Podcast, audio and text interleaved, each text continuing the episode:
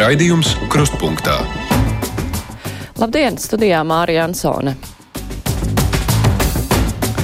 Šonadēļ Stambulā notikušas kārtējās sarunas starp Ukrainas un Krievijas delegācijām. Tām jāturpinās arī šodien, bet, lai gan tiekot gatavots abu valstu prezidentu plāns, abu valstu prezidentu sarunām, tomēr līdzinējo sarunu rezultātus eksperti vērtē piesardzīgi.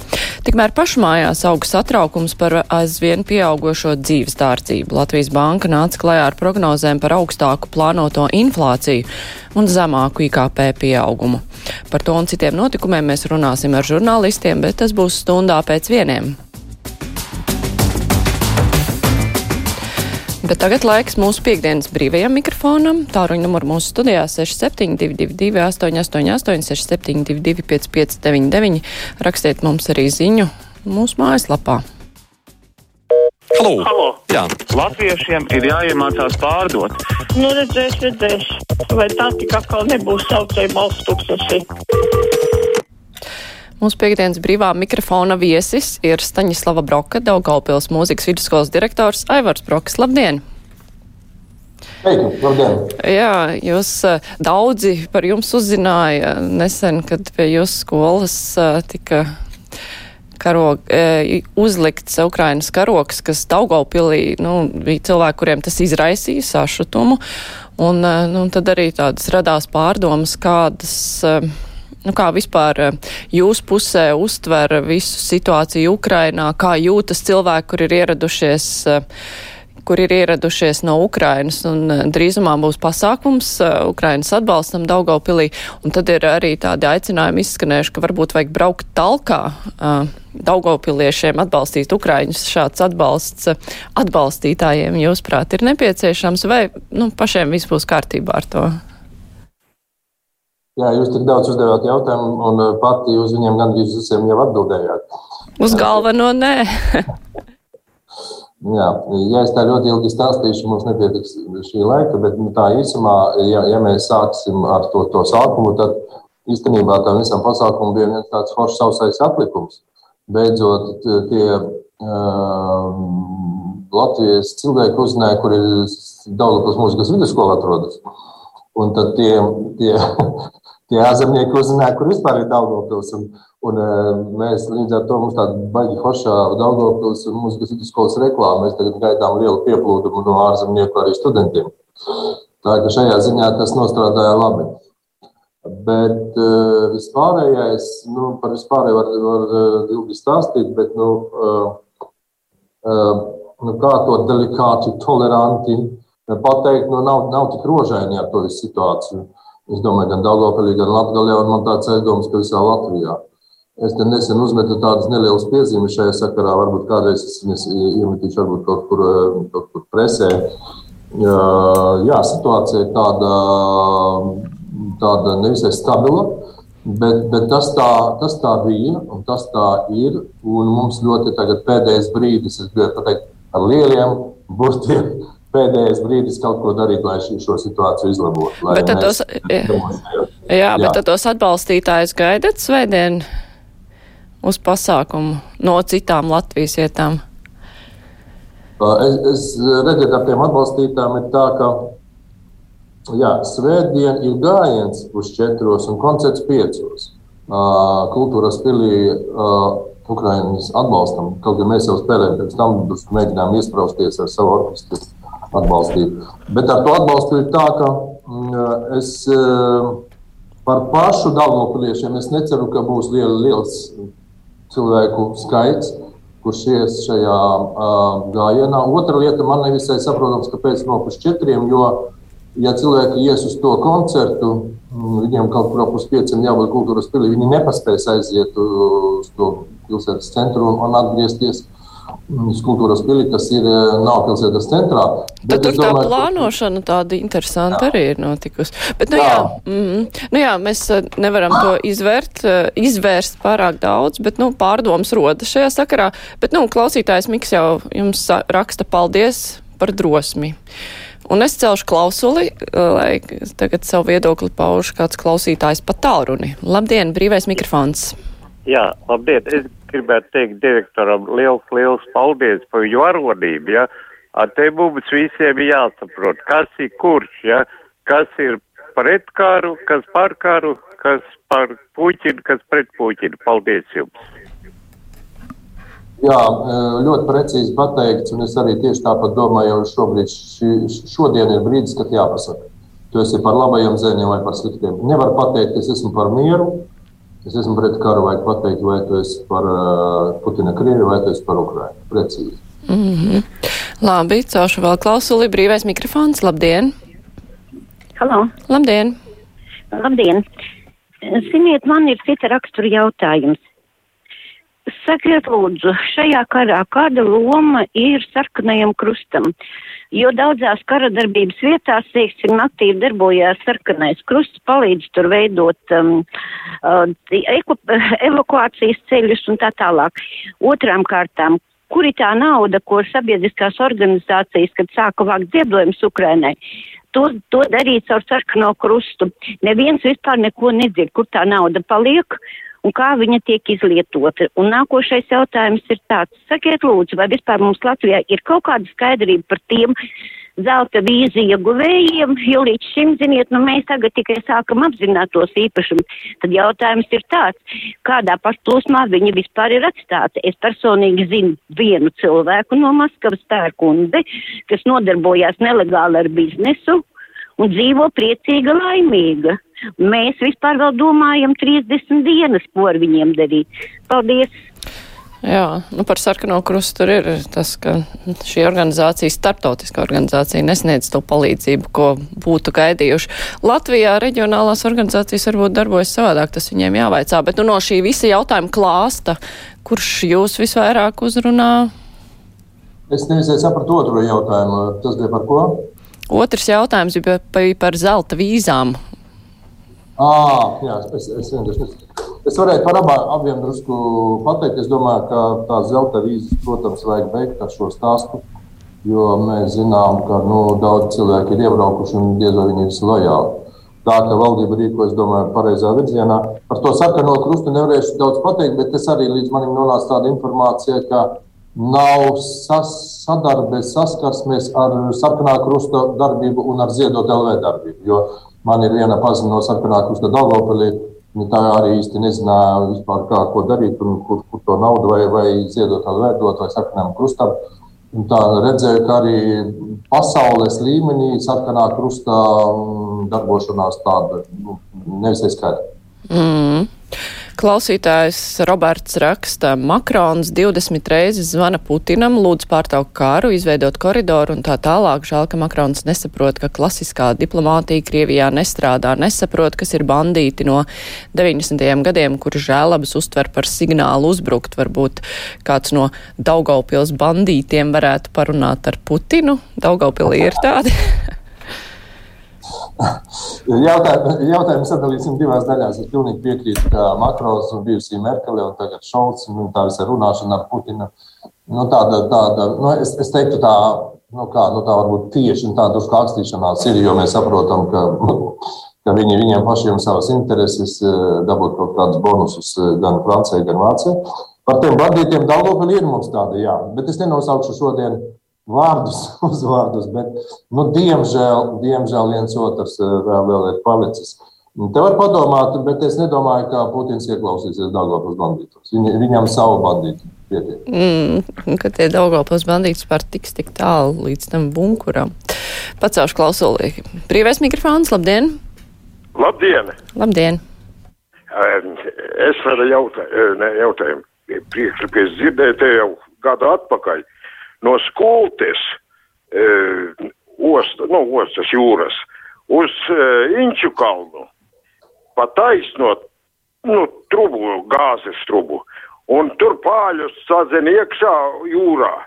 Iztaisa rītīgu kuģu piestāti, lai nav kā leiši lietuvieši malači uz arendu paņēmu 140 tūkstoši miljoniem un izpirkšanu e, gāzes šķidrināto. Un mums visizdevīgāk ir tur uztaisīt pārvadu trubu, nav tālu taisni. Tas bija viens e, gadu atpakaļ priekšlikums viena vīra. Un... Mm -hmm. Ko nu tur atbildēt? Jā, pacelšu vēl klausulu uzreiz. Brīvais mikrofons, labdien! Halo! Labdien! Vai jūs dzirdat mani? Dzirdam gan. Es gribētu pajautāt, o tādu jautājumu es dzirdēju, vai tiesa vai nav tiesa tas, ka Rīgas ostu pārdot. Taisnība vai nē? Rīgas ostus nav dzirdēts, ka kāds pārdot Rīgas ostu. Nes kur tas bija dzirdēts? Diezgan vai pārdot Rīgas ostu. Jā. Klausītājs Roberto raksta vakar krustpunktā nožēlojama bija Reira atbildi, ka nevar samazināt nodokli pārtikai, kā tas ir Polijā, bet atteikties no lielajiem projektiem gan viņš negrib. Tas ir nožēlojami. Cerams, ka vēlētāji rudenī atcerēsies šo faktu. Nu, tās cenu kāpums nu, raisa satraukumu cilvēkos, bet nu, šobrīd jau ir arī sapratne liela, ka tas nav tā vienkārši, ka mēs arī maksājam par savu drošību lielā mērā. Kāds jūsu komentārs? Jā, jā es pilnīgi, piekrītu. Es domāju, arī tas ir jautājums arī par sankciju iedarbēm. Un, uh, mums jāsaprot, ka katrs cilvēks, kurš tagad mirst Ukrajinā, ir svarīgāks par, par nu, mūsu, nu, diemžēl, mūsu labsajūtu šodien. Tāpēc, protams, Latvija Baltijas valstis un Eiropa vajadzēs savilkt jostas kaut kādā jautājumā, bet tas ir ārkārtīgi svarīgi, ka mēs to darām, lai to karu izbeigtu. Tāpēc nu, no manas puses ļoti skaidra, skaidra atbilde, ka mums jāpacieš un jāpalīdz. Jāpalīdz ne tikai Ukraiņai, bet pašiem sev. Nebūs, ne, nebūs Ukrainas, tad nebūs arī pēc tam Baltijas valsts, piemēram, Polijas un tā tālāk. Tieši tā. Labi, ceļu klausuli, brīvais mikrofons. Labdien! Uh, halo, labdien! Es paturpinot par uh, tēmu, kāpēc mums ir lieli tarifi un, uh, nu, apkurē tarifi un elektrība un visam pārējiem. Jautājums, vai pret Kalvītu nevajadzētu uzsākt izmeklēšanu, ka viņš abus tecus restaurē uz gāzi, nevis, teiksim, uz šķeldām vai kaut kādiem citiem resursiem, kas mums ir vietējie, ja? un pēc tam pats izrādās uh, beigās gāzes biznesā strādā. Uh, nu, un plus vēl atbalstu dabūt tām lielajām gāzes stācijām. Vai tur nevajadzētu kaut kādu izmeklēšanu? Paldies! Mm -hmm. Vajag vērtēt tādas lietas. Nu, jautājums sarežģīts īstenībā. Es, es piekrītu tam stāstam par to, ka mēs savā laikā nedarījām visu to, lai tagad mm, nebūtu atkarīgi no tās pašas Krievijas. Un tagad, eh, tagad beidzot esam sapratuši. Pret ko vērsties un kādā apjomā, um, es domāju, mums ir tās tiesības sargājušās institūcijas, var domāt, bet es, es ļoti šaubos, es ļoti šaubos, ka mēs tagad varam kaut kā rēģēt uz to, kas notika 5, 7, 10 gadi atpakaļ, bet, eh, bet tas jautājums ir saprotams un īstenībā samērā loģisks. Te klausītājs Juris vaicā, kā ir dzīvot pilsētā, kuras pašvaldību vada personāžs, kurš ienīst neatkarīgu Latvijas valsti, slavina mūžogo ugunu, ir devītā māja pasākuma fans un neatbalsta simtgadus pieminekļa būvniecību. Jūs arī vērstu tik stiprus vārdus pret pilsētas vadību? Nu, es esmu to runājis jau un rakstījis diezgan pasen. Jā, tur ir tātad saskaņa, ir nogremdējusi visas kultūras projektus. Tas, tā ir Latvijas simts piemineklis vides objekts īstenībā. Tur nav mulmonis ar, ar cepuri rokā. Un Oskaras Troka konceptuāls būvniecība ir nu, nosacīti apstādināta un tā tālāk. Un tā. Uz jautājumu es, es atbildēšu divējādi. Es varētu pateikt, ka es esmu baigi bēdīgs dzīvot šajā pilsētā, bet no otras puses, nu, nu, kaut kāds humors man piemīt, un tāpēc es kaut kā turos. Es domāju, mani kolēģi arī. Bet tā nopietni, tad tā, tā ir tāda šobrīd mēs atrodamies tādā jocīgā situācijā, ka esam vienīgā pilsēta Latvijā, kura, nu, ja tā teikt, nav lojāla uh, Latvijai. Nu, ja mēs tā pasakām īsi un skaidri. Tāpēc es domāju, ka prezidents atbrauc pie mums 4. 5 Aprīlī mēs visi tiksimies un kopā ar Elksniņa kungu varbūt mēs trietā mēģināsim atbildēt šo jautājumu, par ko tad mēs esam par Putinu vai mēs esam par, par Ukrainu. Bet, bet situācija Daugavpilī īstenībā nu, tāda visu laiku ir bijusi. Bet pēdējos gados eh, situācija palikusi labāka, eh, švakāka, vājāka, tāpēc kā Putina televizors pēdējos 20 gadus ir veiksmīgi darbojies propagandas jomā. traģiski īstenībā. Labi, ceļu klausuli. Brīvais mikrofons. Labdien! Halo. Labdien! Halo, jūs, jūs dzirdat mani? Dzirdam gan. Labdien! Labdien! Te no Rīgas. Paldies Aivaram Brokam par vadvalnību. Tā izturēties Daugavpili tiešām vairāk, vairāk būtu tādi patrioti. Bet vēl viens jautājums man. Piemēram, man kauns pa mūsu, jūs dzirdat, jā? Dzirdam, dzirdam, jā. Mhm. Man, piemēram, ir kauns pa mūsu žurnālistiem, ka viņi daudzi neapies jēdzienu humāns un humanitārs. Tagad vēl, vēl trakāk jāsaka, tam tiešām kauns un nērti, ka neatšķir humanitārs un humāns mūsu augstās personas. Pildegovis, Sandra Kalniete, Ināra Mūrniece, pats prezidents, Peikmanis, Ulvis Keizberis žurnālists, Inese Ziemelē, Eiropas tiesnese, tiesnese Eiropas Savienībā. Hānaus, Rihards Blūmers žurnālists, kažotiņš, lūdzu, viņi sūta humanitāro palīdzību Ukrainai, nevis humāno. Nu, sakiet, lūdzu, cik tālu tā mēs varam iet, vai mums ir inteligence, vai mums ir elite. Jā, paldies. Lai gan taisnības labad jāsaka, valodnieki par to strīdas. Jo, nu, tiek pieņemts, ka humāns ir pareizi lietot šajā situācijā, bet uh, ir valodnieki, kur uzskata, ka drīkst lietot abus vārdus. Kādas ziņas ir jūsu rīcībā? Jā.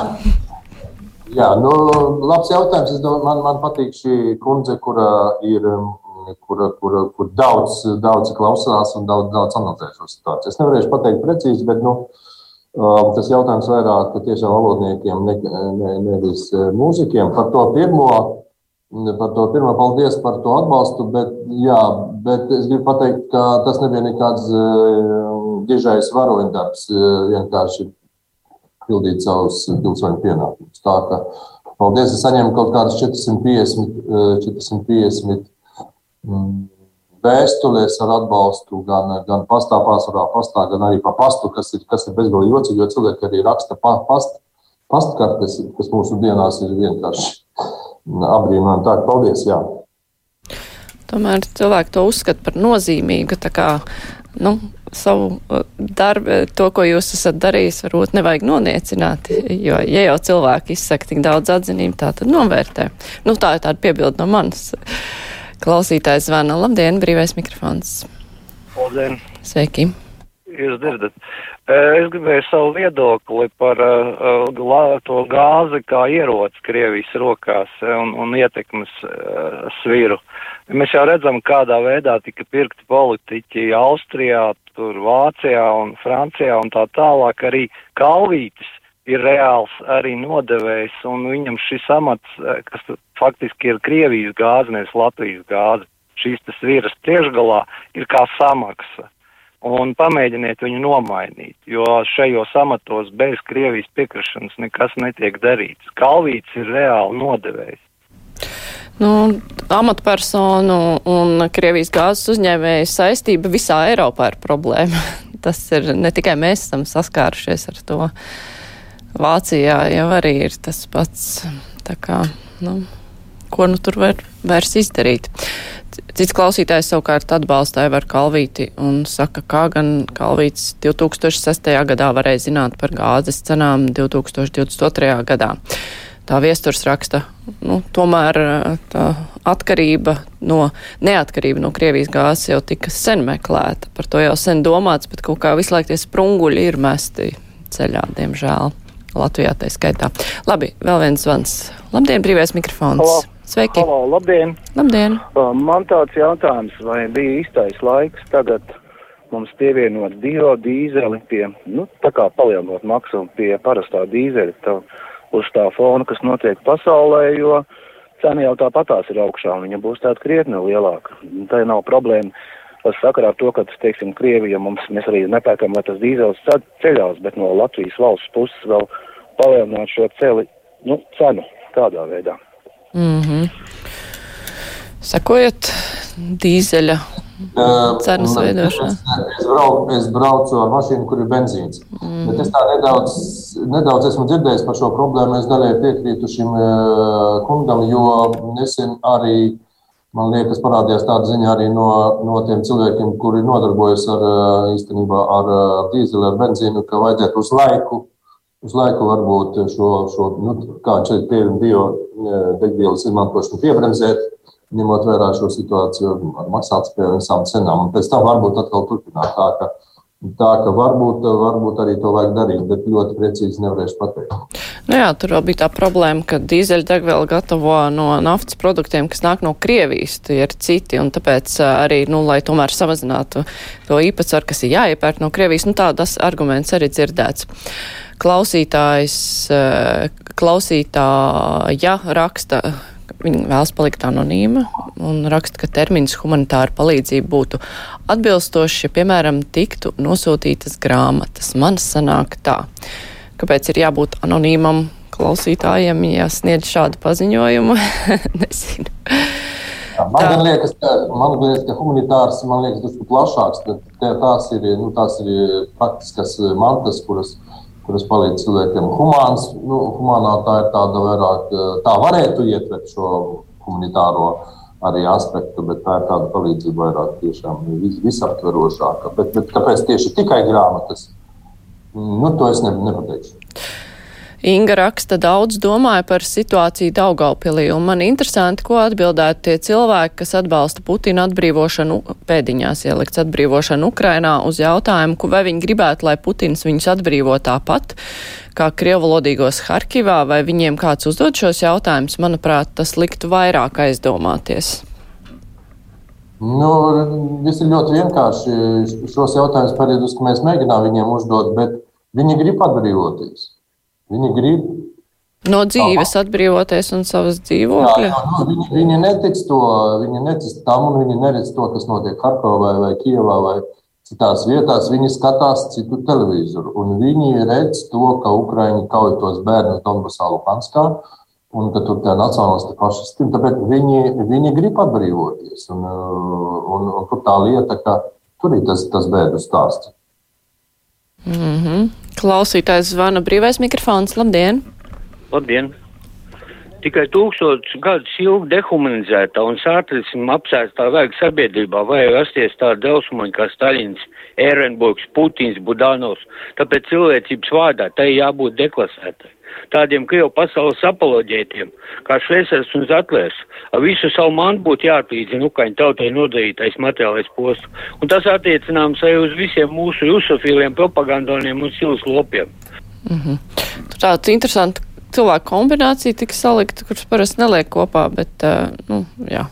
Nu, labi, es vēl vienu, klaus, vienu klausītāju uzklausīsim. Labdien, Labdien brīvais mikrofons. Šeit jūs rauciet no kurzemes puses ātrāk to pieminiektu pārdaugu ņemt nos, lai mūsu paudzēm, un es domāju, ka uh, būs uh, valdībai pietiekuši mugurkauls īstais laiks ņemt nos to pieminiektu, lai mūsu bērniem uh, nebūtu kauns par mums, ko tagad neizdarīs. Jo šī puča laika, pirmā puča noņēma Leņķina pieminiektu, šī puča laika arī noņemt otru pieminiektu nos. Paldies par sakariem. Mm -hmm. Paldies par zvanu. Kā jūs komentētu? Jā, es piekrītu, ka tādam piemineklim nav jābūt. Tas ne tikai Rīgā, mums arī Daugopilī vienā otrā vietā ir kaut kādas tādas lietas, kur, kurām nav jābūt. Nu, redziet, nu, te ir ļoti vienkārši agresīvās Krievijas tagad izdarības pilnībā, pilnībā maina šo situāciju. Ja mēs, kaut gan arī mēs to agrāk redzējām, tad, ja mēs kaut kādā uzskatījām, ka tas piemineklis varbūt tur var būt, jo tas būtu atbrīvošana. Tagad mums skaidri jāpasaka, ka nu, nebija jau mūsu 44. un 45. gadā mūsu neatbrīvo. Tā bija okupācijas turpinājums. Tā bija trešās okupācija, pirmā Staļins, otrā Hitlers, trešā Staļina turpinās 44. 45. Es domāju, ka to pieminu būtu vispār ideāli, ja mēs to varētu atdot Krievijai, jo viņi atbrīvoja, nu, nosacīti atbrīvo sevi Un tad Krievijas teritorijā tāds piemineklis varētu būt, jo tas būtu atbrīvošanas piemineklis. Mums tas skaitās īstenībā vairāk par okupācijas piemineklis. Mēs uzstādām pieminekļu atbrīvotājiem, kuri 45. un 49. gadā aizveda uz Sibīriju 50 tūkstoši cilvēku. Nu, tas kaut kā nav loģiski. Tāpēc es domāju, protams, ka tam piemineklim nav jābūt. Kā, ko ar viņu darīt, tas ir tāds tehnisks jautājums, bet, bet, bet jā, mums arī Daugavpilī ir, ir tāda, nu, arī tāds skvērs, kur ir, kur ir kā tāds obeliski izveidoti. Un es jau sen teicu, tas ir Dubrovina parks, ka vajag labi, mēs, mēs varam to visu stāstu pārcelt uz brāļu kapiem, kuri ir mums savesti kārtībā. Blakus ir vācu kapi, blakus ir padomu kapi ielikt tur, lai cilvēki nāktu uzlikt ziedus un, un atceras šo stāstu. Bet, bet parki ir parki, un skvēri ir skvēri, un nekādas politiskas tur ietekmes nav jābūt. Mm -hmm. Klausītājs zvana, labdien, brīvais mikrofons. Labdien! Kā, kā tas ir ar tām eiropeiskām vērtībām? Briesmīgam tam nor norvēģu šāvējam ar tiesas spriedumu nedrīkst piešķirt nāves sodu piespriest, jo tas nesot humāni un cilvēcīgi. Bet tagad tiešraidē tiek slepkavotas sievietes, bērni, un mēs jau sākam to uztvert tikai kā statistiku. Nu, kādas te mums ir tās vērtības? Ne, kā statistiku jau neuztver, bet rokas pa īsām ir. Jā. No tā Norvēģija tāda pāris vārdus, ka tiešām tā nu, no mūsu puses izskatās tā nedaudz dīvaini. Protams, ka cilvēks tur 40, 50 ir nostaptojies un, un viņš tur diezgan forši dzīvo. Un man tāds aizdoms, ka drīz nāks ārā. Es teiktu, ka nevaru pateikt, pateikt par to, bet nu, tā tur tiesu sistēma un tā, tā brīvības. Nu, tā puse tā ir, bet, nu, nu, ja tur būtu, teiksim, nāves sots tajā Norvēģijā, nu, tad, tad viņš varbūt nebūtu uz brīvām kājām. Bet tā tas nav. Tā, ka, tā ir tā demokrātijas sarežģītība mūsu, mūsu, mūsu pasaulē. Bet tomēr, lai ir tāda demokrātijas sarežģītība, nevis tāda diktatoriskā vienkāršība, ka paņem uzbruk otram, iedod pa galvu un tas notiek tālāk. Tieši tā. Labi, klausu liceļu, brīvais mikrofons. Sveicināti. Labdien! Te par tiem pieminiekiem atkal. Cik saistoši ir mums tas līgums par piemiņas vietu uzturēšanu? Ja tāpat tās ik pa laikam dzird, ka Krievija pati aizmirst, tā teikt, šādas piemiņas vietas, kas ir svarīgas mums. Nu, nav jau labi zobs pret zobu, aci pret aci, bet, nu, varbūt arī mūsu pusē tomēr ir kāds atkāpes, kuras, nu, mēs varam pieļaut šajā sakarā. Paldies! Mm -hmm. Kā jums šķiet, varam? Nu, vispār jau vienmēr droši vien, ka var atrast kaut kādas juridiskas, um, nu, tādas lodziņas, kur tikt uh, cauri, lai, nu, līgumu pakuriģētu sev pa labu. Tieslietu ministrija arī ir dots, uh, teikt, pavērtēt, laikam, šo līgumu un iespējas. Jā, es pats arī vienreiz gribēju to paskatīties. Man kaut kā ne, nu, arī nebija laika to ļoti, ļoti rūpīgi uzlasīt vispār to sarakstu ar tiem no tiem objektiem, kurus mums vajadzētu it kā, it kā uzturēt. Bet, protams, tur jāsaka ļoti labi līgums. Un es zinu arī, ka tajā līgumā bija pieļautas lietas, piemēram, ja mēs gribam kaut kādu objektu pārcelt, un nevis nolikvidēt, bet pārcelt uz citu vietu, tas bija pilnīgi reāli. Un Latvijā notika vairākās vietās, saskaņojot ar nu, toreiz ar Krieviju, kuri bija mazāk agresīvi tās lietas, un arī līguma ietvaros to var darīt. Šobrīd, jā, šobrīd situācija drusku ir citādāka. Mēs varam drusku kritiskāk izvērtēt šī līguma punktus, bet tomēr jāpaseko. Tad, tad ir tā, ka galīgi viņu varbūt nu, tā galīgi nu, noignorēt un visu nojaukt, varbūt ne, bet paskatīties, kas tur notiek. Un ar juristiem. Un tad, jā, tad spēr kaut kādus soļus, iespējams, ka tur var kaut ko arī gan līguma, gan varbūt arī, arī nelīguma ietvaros. Te parādās jautājums, vai vispār šis līgums šobrīd ir, ir spēkā vai nav. Spēkā, jā, jo nu, šobrīd ir karš. Jā, un, nu, to juristi arī var vērtēt, un te klausītājs ir tomēr par dāvināšanu Maskavai, tā kā kādreiz uh, brīvības pieminekli uzdāvināja Ņujorkai. Bet mums brīvā mikrofona laiks ir arī beidzies. Saku paldies. Šodien kopā ar mums bija Staņislava Broka, Daugavpils mūzikas vidusskolas direktors Aivars Broks. Paldies, ka varējāt būt kopā ar mums, bet tagad būs ziņas, un pēc tam jau ar žurnālistiem runāsim par nedēļas notikumiem.